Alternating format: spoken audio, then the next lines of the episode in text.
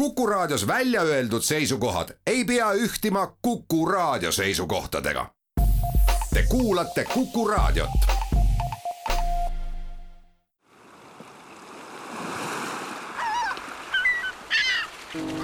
meretund meretundi toetab Tallinna Sadam. Tere, meresõbrad, on laupäev ja Meretunni aeg. mina olen saatejuht Vallo Kelmsaar. tänases Meretunnis räägime pikemalt kunstist ja kollektsioneerimisest, alustame aga tulevikku suunatud tegevusest. nimelt toimus eelmisel nädalal Tallinna Tehnikaülikooli Eesti Mereakadeemia ning Teadus- ja Ärilinnaku Tehnopole eestvedamisel taas merendusvaldkonna häkaton, mille eesmärk oli leida jätkusuutlikke ja keskkonnasäästlikke tulevikulahendusi.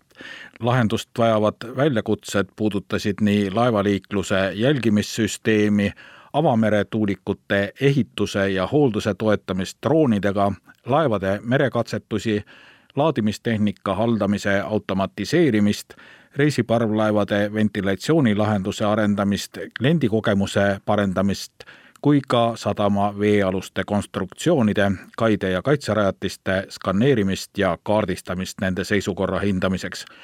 viimati mainitud väljakutse esitas Hackathonile ettevõtte Saarte Liinid ning väljakutset lahendama asunud tiim pälvis Hackathonil esikoha ja seitsme tuhande eurose arendustoetuse uurisin meeskonna liikmetelt, mis oli eesmärk ja millise lahenduseni jõuti. vastasid Timmu Tollimägi firmast Vette Engineering ja Saarte liinide IT ning tehnoloogia osakonna juht Ahti Paju. meil tekkis selline võimalus esitada siis äh, väljakutse ja meil oli reaalne vajadus Äh, lahenduste järgi. see ülesanne või väljakutse siis puudutas sadamate veealuste konstruktsioonide skaneerimist ja kaardistamist, olete te seda varem ka teinud või kuidas see siiamaani on toimunud? oleme iga-aastaselt äh, veealuseid konstruktsioone kaardistanud kuid äh, sel aastal siis äh, püstitasime ülesande, et oleks kõik ühes äh, platvormis. seni on meil koostööpartner teostanud mõõdistusi ja, ja tema on siis ka meile väljastanud andmed, kas siis mudeli näol või siis, või siis kaardi näol, vastavalt siis see, kuidas me oleme küsinud. aga, aga platvorm, mida me siis Hackathonil lahendasime, oleks selline, kus siis mudelid äh, kõikide aastate mõõdistused äh, on, on sees ja, ja neid on omavahel võimalik siis võrrelda, pluss siis äh, on võimalik sinna lisada kõiki muid platvorme, et maa pealt äh, mõõdetud kaardistusi ja nii edasi, et selline laiem pilt. Ülesandeks oli siis sadamas tehtavate mõõdistuste tulemuste paremini nägemine. Ja me lähenesime eelkõige kliendi vajadustest lähtuvalt. Äh, nimelt saarte liinid ütlesid, et nad tahavad paremat ülevaadet oma sadama veealustest objektidest, et, et vähendada hoolduskulusid ja, ja igasuguseid äh, probleeme, mis seal võivad tekkida. ja üritasime siis eelkõige välja selgitada, et mida neil on vaja mõõta, mis täpsusega on vaja mõõta, kui tihti on vaja mõõta ja, ja mis on siis see kasutegur või, või, või kui palju nad saavad kasu sellest, et nad teavad täpselt, mis neil vee all toimub ja me tulime siis lahendusele, mis on ühtne sadama haldustarkvara või sadama digitaalne kaksik. nimelt äh, sadamas tehakse juba praegu erinevaid mõõtmisi erinevate sensoritega, aga probleemiks on see, et, et kõik need andmed, mis äh, kogutakse, on äh, laiali. kaameraga filmitakse ühte asja, sonariga mõõdetakse teist asja ja, ja need kõik annavad nii-öelda oma spetsiifilist väljundformaati välja meie lahendus on siis äh, koondada kõik andmed ühte, ühte platvormi, et need oleks võimalik võimalikult mugavalt siis äh, jälgida ja luua ka 3D mudel, et, et äh, siin erinevate andurite andmetest on võimalik siis kokku panna 3D mudel või õigemini võtta välja sealt punktipilve andmed. Ehk siis selline 3D mõõtmeline kaart tekitada. Ja, ja meie tarkvara siis peaks hakkama võtma vastu erinevate andurite sisendit ja selle põhjal loome siis äh, sadamast 3D äh, mudeli ja sealt on võimalik siis erinevate kihtide kaupa vaadata erinevat informatsiooni. aga, aga põhieesmärk on siis see, et, et, et kõik oleks ühest kohast äh, lihtsasti kättesaadav ja nähtav. kas see tulevikumudel peaks siis kajastama ainult kai konstruktsioone või ka põhja iseärasusi seal sadamas või veel midagi muud? see võiks olla nii kai kui, kui põhja mõõdistus ja hiljem saab lisada ka juurde ähm, ka veepealse osa, näiteks sadamakai veepealsed äh, kõiksugused mõõdistused, et, et näha, kas seal on toimunud vajumisi. ja selleks saab kasutada kusjuures näiteks ka satelliitide informatsiooni, millega on võimalik äh, väga täpselt siis mõõta, kas mingisugune objekt on vajunud, noh, et näiteks kui on pikk sadamakai, et siis on näha, et üks ots on äh, mõned millimeetrid vajunud, eh, siis on teada ja, ja seda saaks ka sinna mudelile kanda. ta on ikkagi jah, veebirakendus, eh, mis siis eh, suudab kogu seda mudeli töötlust teostada. no ilmselt ikkagi selliste protsessidega ju ettevõte puutub kokku, ütleme, et peaaegu igapäevaselt, mida Hackathon lisaks annab, mis on Hackathoni nii-öelda pluss selle asja juures? noh, kindlasti üks pluss on see, et, et hästi kontsentreeritud on kõik, et kogu see teema ja probleemi lahendus on hästi intensiivne ja, ja saab, saab tugevalt tegeleda kõikide probleemidega. lisaks äh, ümberringi on palju äh, professionaale, kes äh, siis ka annavad head nõu, mida, mille peale ise ei pruugi tulla iga kord. võite te nüüd lõppenud häkatonist mõne näite tuua? jaa, et meie tiimi liikmetel oli kaasas allveerobot, millega siis äh, Äh, neid mõõdistusi tehakse, et äh, senini oli minu jaoks äh, sellest mõõdistustehnoloogiast pilt veidi ebaselge. on palju erinevaid seadmeid, erineva täpsusastmega seadmeid, millega siis mõõdistust tehakse ja kõik need nüansid, mismoodi see robot välja näeb, mismoodi ta käitub, kogu see osa, et kindlasti hästi oluline info, millega arvestada edaspidi, et kui, kui tahta omale kas või taolist asja soetada. me täpselt ei teadnud häkatonile tulles, mis on need probleemid ja mis on äh, vajadused. ja, ja selgus, et, et äh, sadamatel on tegelikult väga suured kulud hoolduse puhul. et äh, kui seal toimub mingisugune erosioon näiteks, et mingi asi on ära kulunud ja, ja hakkab näiteks täitepinnas sadamakaisest välja vajuma, siis selle taastamistööde maksumus on, on päris suur. ja, ja ka näiteks kui on merepõhi, et, et sealt merepõhjast äh, laevad pesevad välja igasugust äh, kraami ja, ja kui seal pestakse välja suuremaid asju, näiteks äh, mingid palgid või rehvid, siis, siis need võivad tõsiselt vigastada laeva erinevaid süsteeme, näiteks sõukruvisid, mille remont on siis hästi kallis.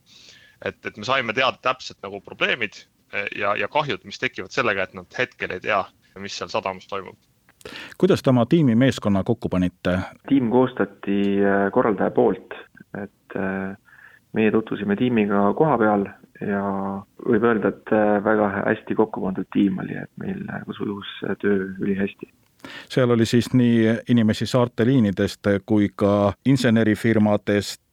jaa, meil oli siis saarte liinidest oli kaks inimest, pluss siis üks inimene oli telefonitsi ja inseneride poolt oli siis veterinaring äh, liikmed, pluss siis üks TalTechi õpilane. millist äh, lisateadmist nad teie tiimi tõid? pigem sellist tehnilist, et et kuidas mõõdistatakse, millega mõõdistatakse, et kogu see tehnoloogiline pool, minul oli see eelnevalt äh, ebaselge. nüüd sai palju selgemaks, aga kuidas te ise seda lõpptulemust hindate, et mis on see produkt, mis nüüd valmis Hackathoni tulemusel, see hinnati kõrgelt, sai Hackathonil esikoha, aga kuidas te seda tuleviku vaates hindate? ta kindlasti peaks olema selline universaalne platvorm, mida saavad äh, kõik kasutada, kes soovivad, et ta koosneb siis nagu kahest äh, tegevusest, et üks on siis äh, nende andmete kogumine, mis on siis füüsiline tegevus robotitega vee all või vee peal, mis kaardistab siis kogu seda merepõhja ja, ja kai seinu. ja teine on siis nende mudelite töötlemine. täna ongi nagu meie jaoks olnud nagu suurem küsimärk see mudelite töötlemise pool, et oleks platvorm, kus need mudelid istuvad sees ja ma saan iga ajahetk minna sinna sisse ja siis võrrelda, võrrelda siis kas mahtusid või siis olukorda, ta oleks nagu siis tööriist äh, igapäevatöös sadamate haldusel. et see on nagu äh, see tuleviku soov sellelt platvormilt, et igapäevatööriist kas seal peaks olema siis mingid robotid, mis pidevalt olukorda automaatselt jälgivad ja siis veebis oleks võimalik neid tulemusi vaadata või mm? -hmm. hooldusseire puhul ütleme tavaolukorras igapäevaselt ei ole vaja robotit ega kaiseina jälgida, piisab paarist korrast aastas, aga mudelit ennast nagu vaadata erinevatel ajahetkedel on kindlasti vaja, vajalik, sest ülesanded on erinevad, mõnikord on vaja mõõta mingisuguseid äh, kai seina kas pikkuseid, sügavusi, mõnikord on vaja vaadata kahjustusi, et neid vajadusi on erinevaid, miks seda mudelit on vaja töödelda, aga robotitega reaalselt ikkagi kas siis äh, on olnud suur torm, et peale tormi on vaja hinnata, et, et kas on kandunud liivasid kuhugile või mitte või siis enne ja pärast näiteks süvendustöid on vaja kindlasti vaadata üle. kuidas selle häkatoni tulemusega, selle lahendusega, mis seal välja pakuti, saaks edasi minna? mida on vaja veel teha? noh, nüüd tuleks ilmselt siis kokku panna tegevusplaan, et kuidas prototüüp luua siis sellele veebirakendusele ja siis sealt edasi minna, et äh, kindlasti selle veebirakenduse arendamine on äh, päris suur töö.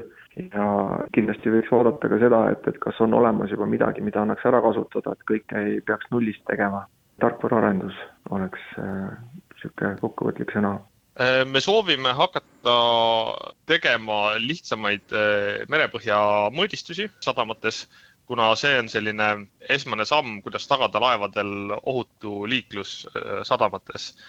ja me soovime siis hakata pakkuma seda mõõdistusteenust, et õppida ise eelkõige kaardistamist ja, ja, ja anda ka sisendinformatsiooni eh, meie tarkvaraarendusele, mida me nüüd eh, üritame samuti käima lükata.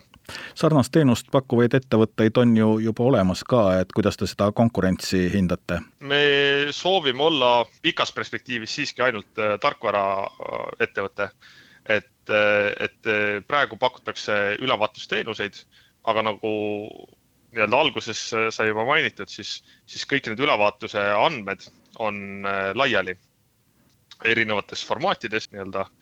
kõik andmed on, on, on ükshaaval eraldi. Äh, meie eesmärk on need andmed lihtsalt kokku koguda, et me pikas perspektiivis ei taha olla või, või jääda siis äh, ülevaatusteenust pakkuvaks ettevõtteks, vaid me oleme see tarkvaraplatvorm, kuhu ülevaatusteenust pakkuvad ettevõtted saavad oma andmed üles laadida, et need oleksid kliendile siis ühest kohast kättesaadavad. see meie siis on ettevõte VT Engineering?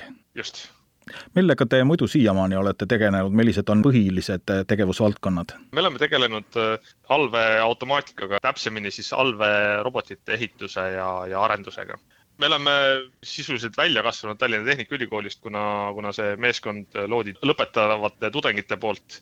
me otseselt ei ole spin-off Tallinna Tehnikaülikoolile, aga, aga me oleme kindlasti sealt saanud oma teadmised ja, ja ka esmased kontaktid, kellega nii-öelda edasi liikuda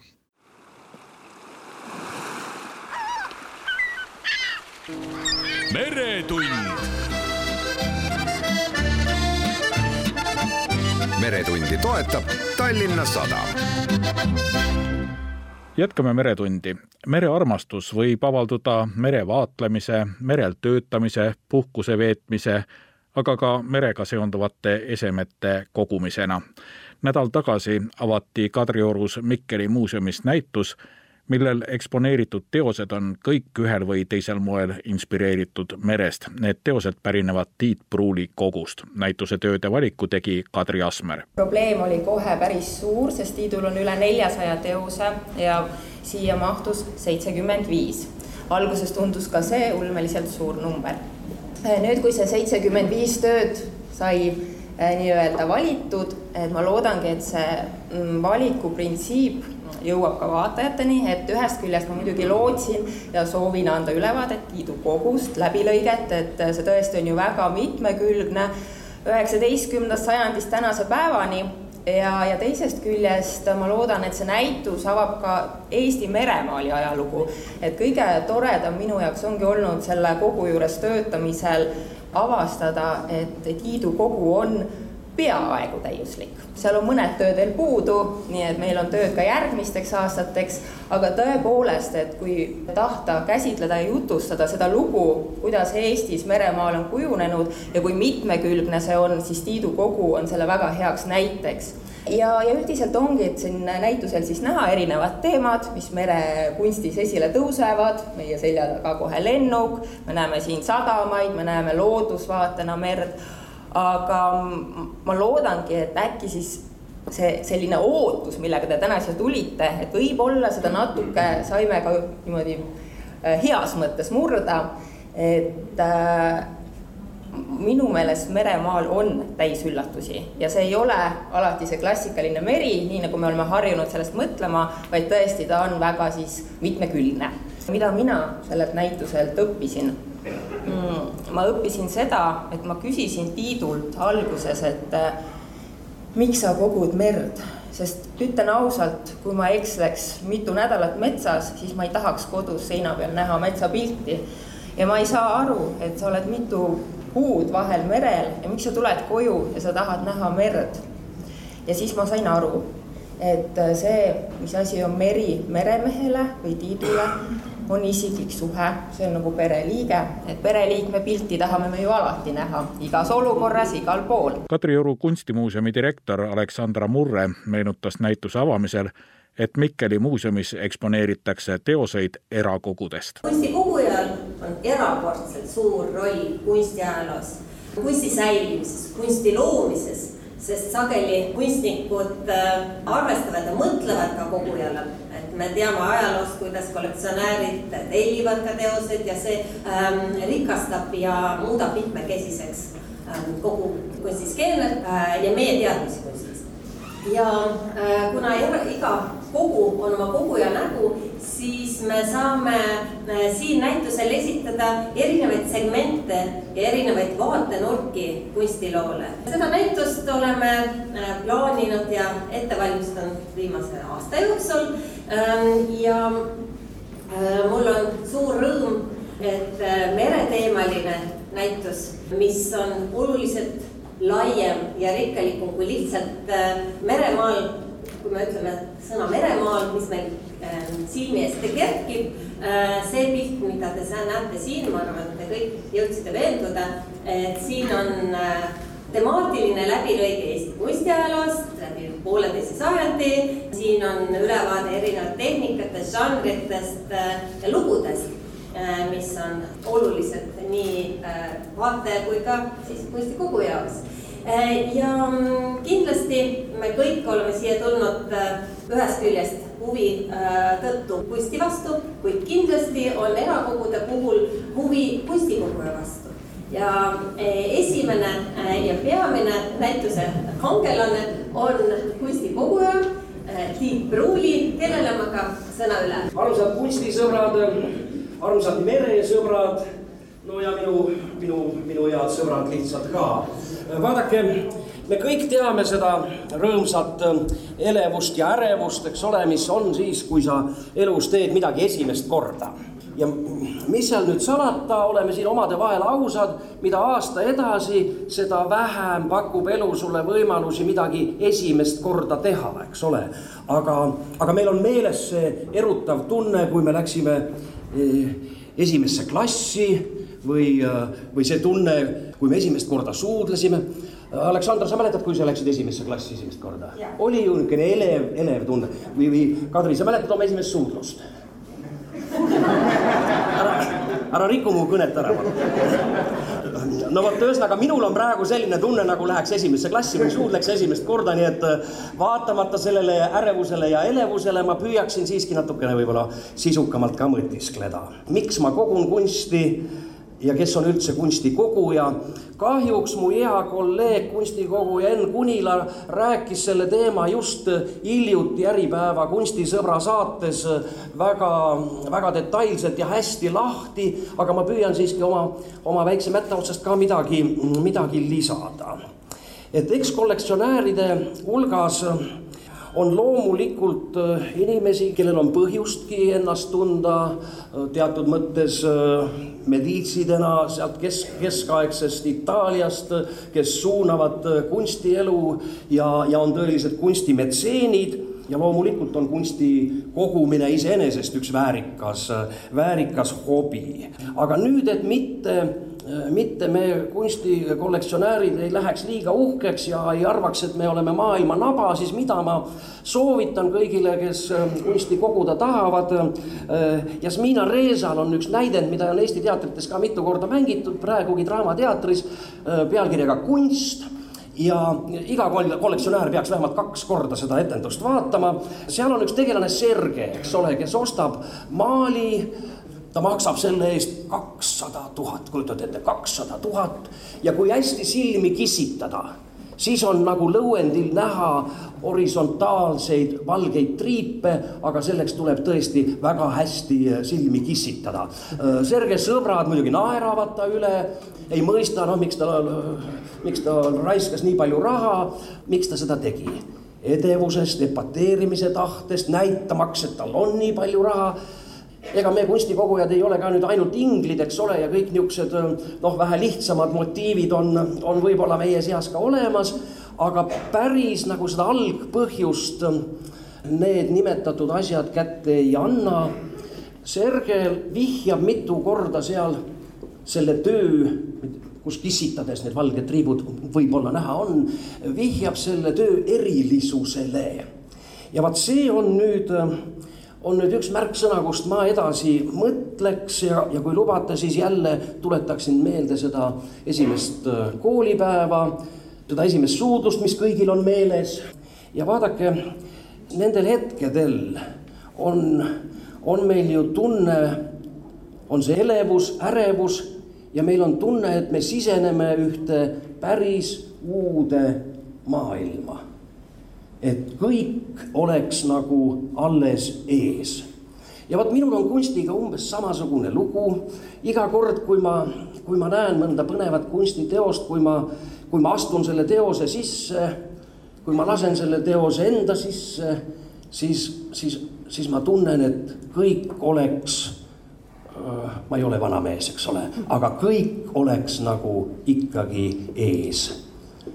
ja, ja kui siit nüüd edasi mõelda või öelda, siis, siis see võib-olla ongi see kunsti igavikulisus. see, et on tunne, et kõik on alles ees. see tunne on loojatel, see tunne on kunsti nautijatel ja võib-olla see ongi see üks põhjus, miks ma siis kunsti kogun. Ja selle igavese elu eest pean ma siis paljusid inimesi ja, ja mul on rõõm paljusid inimesi tänada. esiteks loomulikult kunstnikke, nii, nii füüsiliselt elavaid kui surnuid, nii neid, keda ma tunnen ja, ja saan täna siin kallistada, kui neid, keda, keda ma ei ole kunagi näinud, aga tänu kellele see kogu kollektsioon siin üldse olemas on ja täna, täna väljas on. teiseks pean ma loomulikult tänama kunstikriitikuid, kunstiteadlasi, kes on, kes on mulle lihtsale raudteelasele õpetanud, mis asi see kunst on viimastel aastatel. eriti olen ma tänulik Kadri Asmerile, selle näituse kuraatorile, kes on mind käe kõrvale võtnud ja öelnud noh, et mitte, et Tiit, sul on halb maitse, aga näed, et vaata, see on, töö on võib-olla natukene väärtuslikum kunsti mõttes ja nõnda. ma tänan loomulikult kaaskollektsionääre kes on mind äh, inspireerinud, õpetanud. ja mis seal salata, ka kadedaks teinud.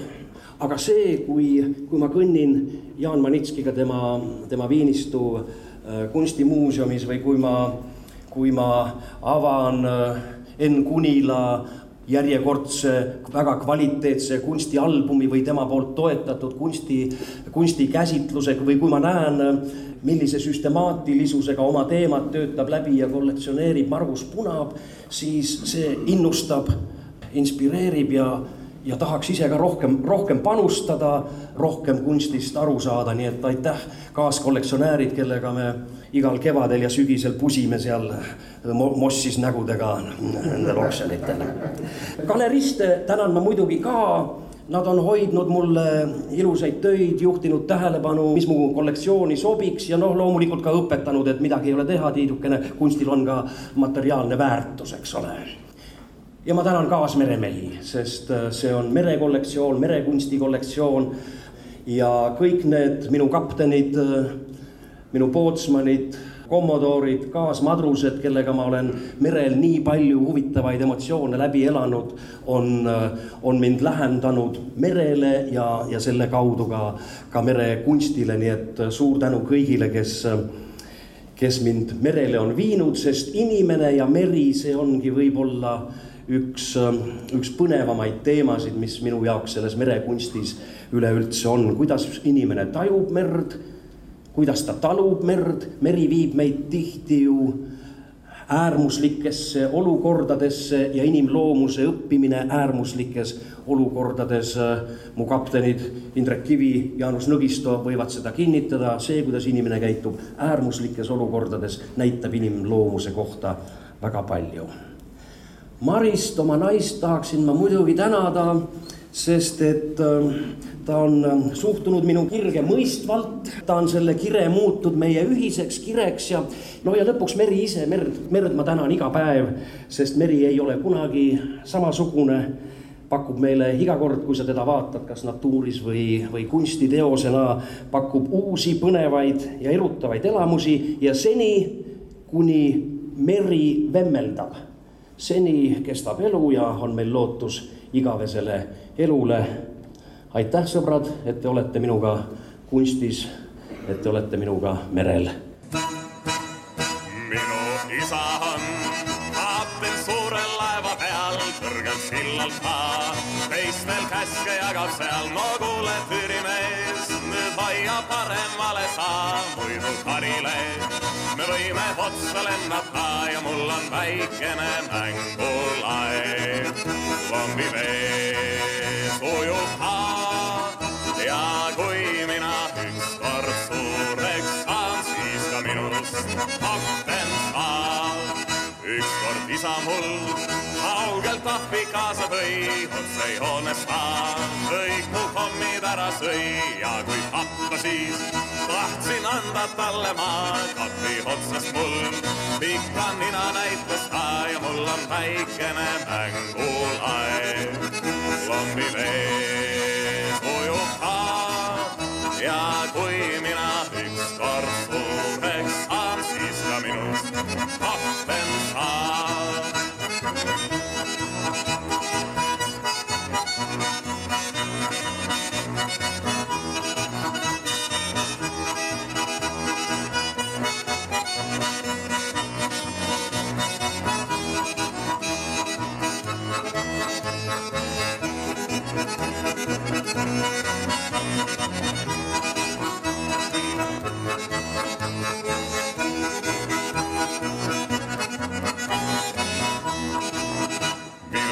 Isa on kapten suure laeva peal, kõrgel sillal ta teistel käske jagab seal, no kuule tüürimees, nüüd hoia paremale sa, muidu karile. Me võime otsa lennata, mul on väikene mängulaev, lombi vees ujub ta ja kui mina ükskord suureks saan, siis ka minust väikene mängulaev. kombi vees ujub ta ja kui mina ükskord suureks saan, siis ka minust kapten saab.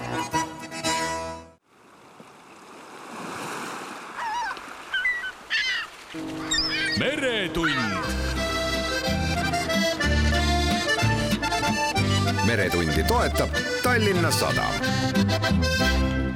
jätkame Meretundi ja nüüd on minu vestluskaaslaseks hobimeresõitja, maailmarändur ja kollektsionäär Tiit Pruuli. minu kunstikogu sai alguse mm, siis, kui me läksime jahtlaevaga lennuk ümber maailma purjetama ja siis äh, ostis abikaasa oma Kanada saatkonnas äh, ületundide eest teenitud raha, raha eest äh, esimese nii-öelda meie kollektsiooni töö, mis oli äh, Endla Tuutmaa, üks, üks meremaal, seal oli veel väike selline krutski sees, et kuna Richard Uutmaa, tuntud meremaal ja klassik, oli, oli meil perekonnasõber, siis, siis meil on kodus päris palju Richard Uutmaa maale ja siis abikaasa mõtles, et, et kingib mulle siis ka ühe Tuutmaa ja, ja eks ta niimoodi paralleelselt selle minu mereelu päris mereelu sisseelamisega, ka see kunstikogu hakkas liikuma noh, on ju üle kahekümne aasta, mis ei tähenda, et ma oleks kakskümmend aastat nii-öelda väga süstemaatiliselt ja järjest kollektsioneerinud, eks ta on olnud vastavalt emotsioonidele, vastavalt äh, finantsvõimalustele ja umbes, umbes nõnda, aga, aga nii pikk see protsess on olnud, jah. kas võib siis öelda, et kaudselt on kõiges selles süüdi Richard Uutmaa? noh, neid süüdlasi on mitmeid jaa, tõsi, ma mäletan väikse poisiga Richard Uutmaa ateljees Vabaduse platsil, kui ma Tartust tulime vanaisaga ja istusin seal, kõlgutasin jalgu ja vaatasin, kuidas kaks vanameest juttu ajavad äh,.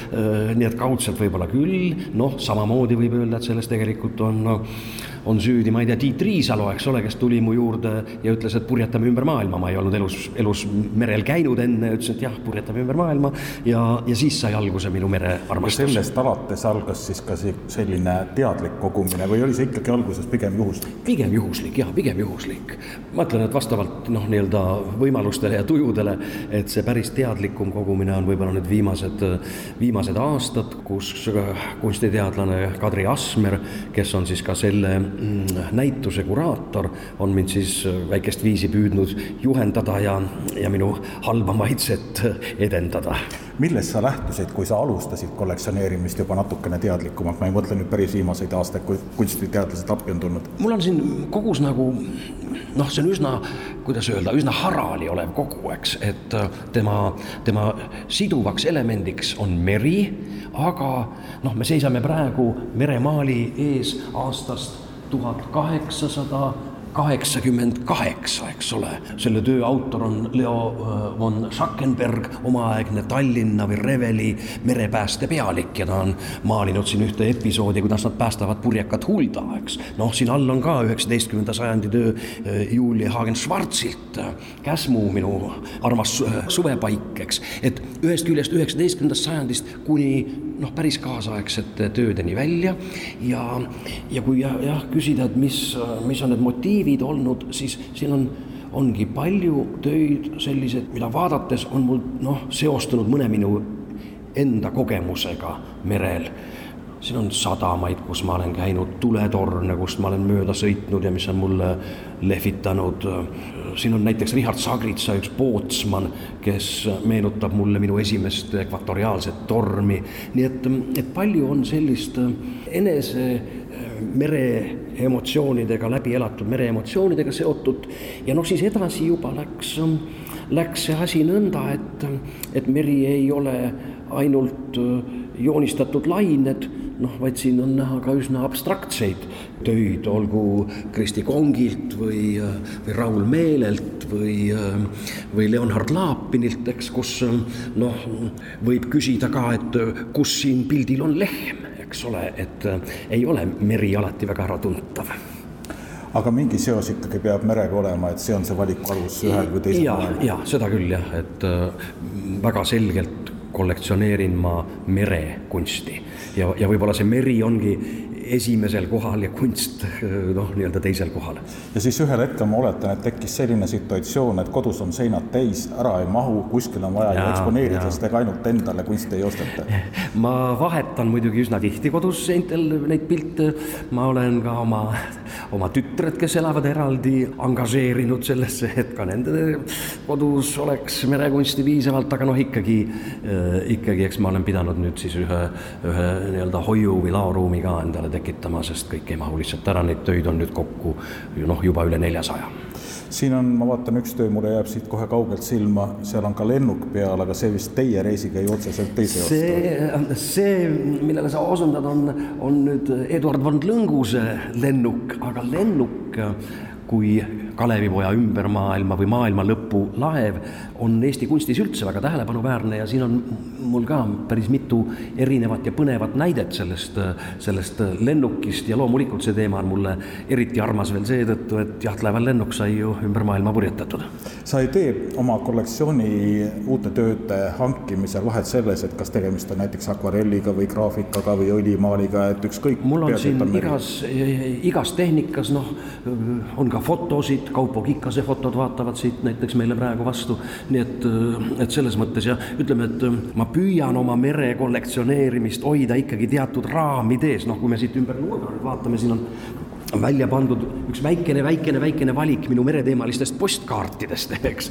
et lihtsalt markeerida ka, ka seda, aga, aga ma proovin ikkagi hoida, et ma vanu madrusemütse ja illuminaatoreid ja, ja mida mulle ka alatihti pakutakse müügiks, aga need, neid ma ei korja just tegelikult tahtsin ka postkaardide juurde jõuda, sest ma tean, et hiljuti ilmus üks raamat, kus on ülevaade sinu postkaardikogust ka.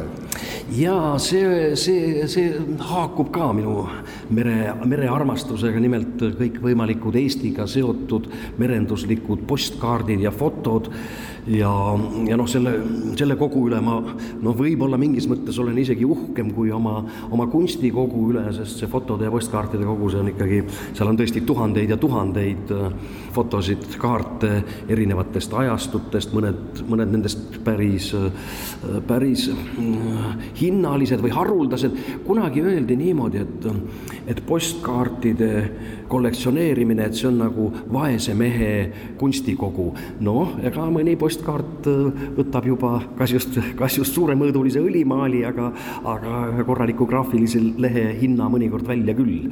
on päris haruldasi postkaarte. ma ei tea, kas ajad taga just neid haruldasi postkaarte või mitte, aga tegelikult ju, kui mõelda postkaartide peale, siis nad tihtipeale räägivad ka ajalugu, kuidas üks või teine koht on muutunud, eks, või kuidas näiteks meri võib olla eriilmeline ja nii edasi. see, see ajalugu, ütleme, see raamat raamat, millele siin vihjati, ongi, mis just hiljuti ilmus, ongi Tallinn, postkaardid ja fotod Tallinna sadamast, eks. ja see ajalooline kujunemine on minu jaoks väga oluline postkaartide korjajad jagunevad ju ka mitmesse nii-öelda alarühma, kes korjab neid pilte, mis seal postkaardi peal on, kellele pilt on ükskõik, on tähtis mark või või tempel, mis seal postkaardi taga on.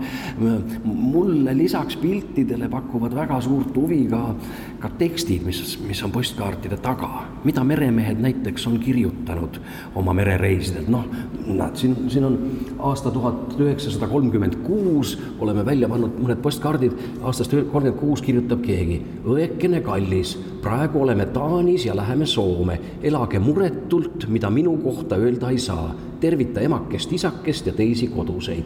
noh, ka sellist meremehe üksindust ja koduigatsust on nende, nende postkaartide peal, tuleb nagu väga ilusti välja.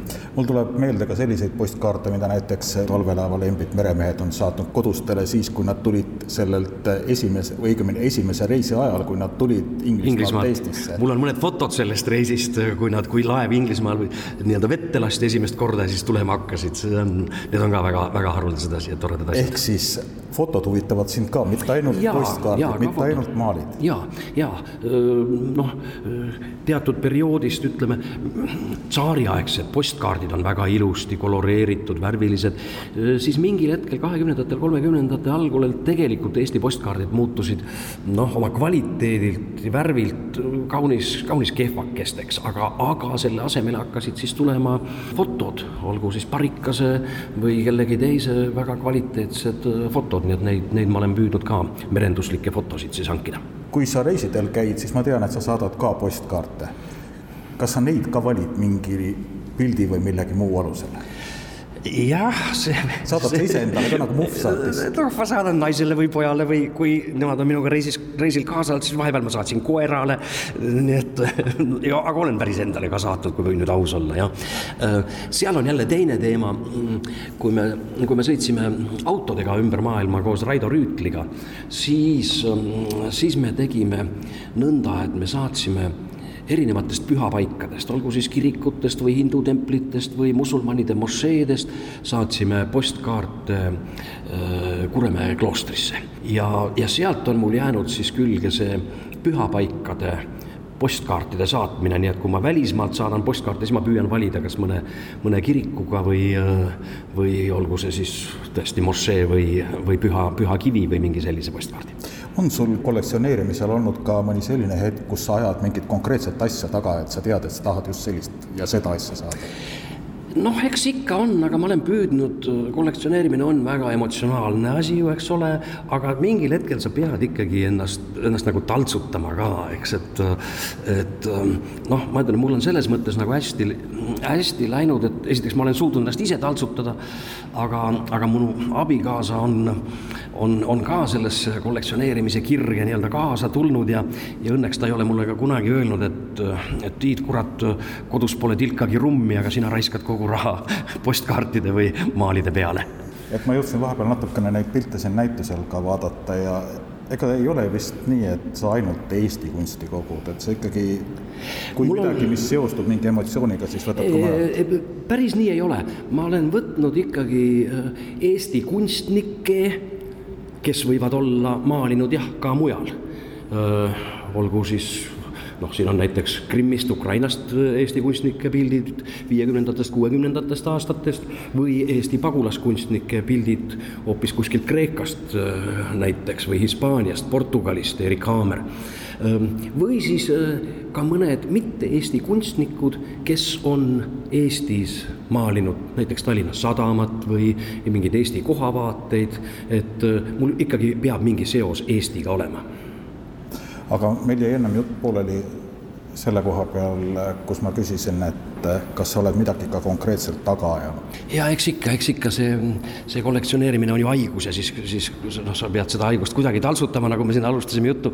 noh, näed, seal on üks Peeter Alliku pilt Polaaruurijat teine, aga vaata seda Polaaruurijat esimest, seda mul ei ole.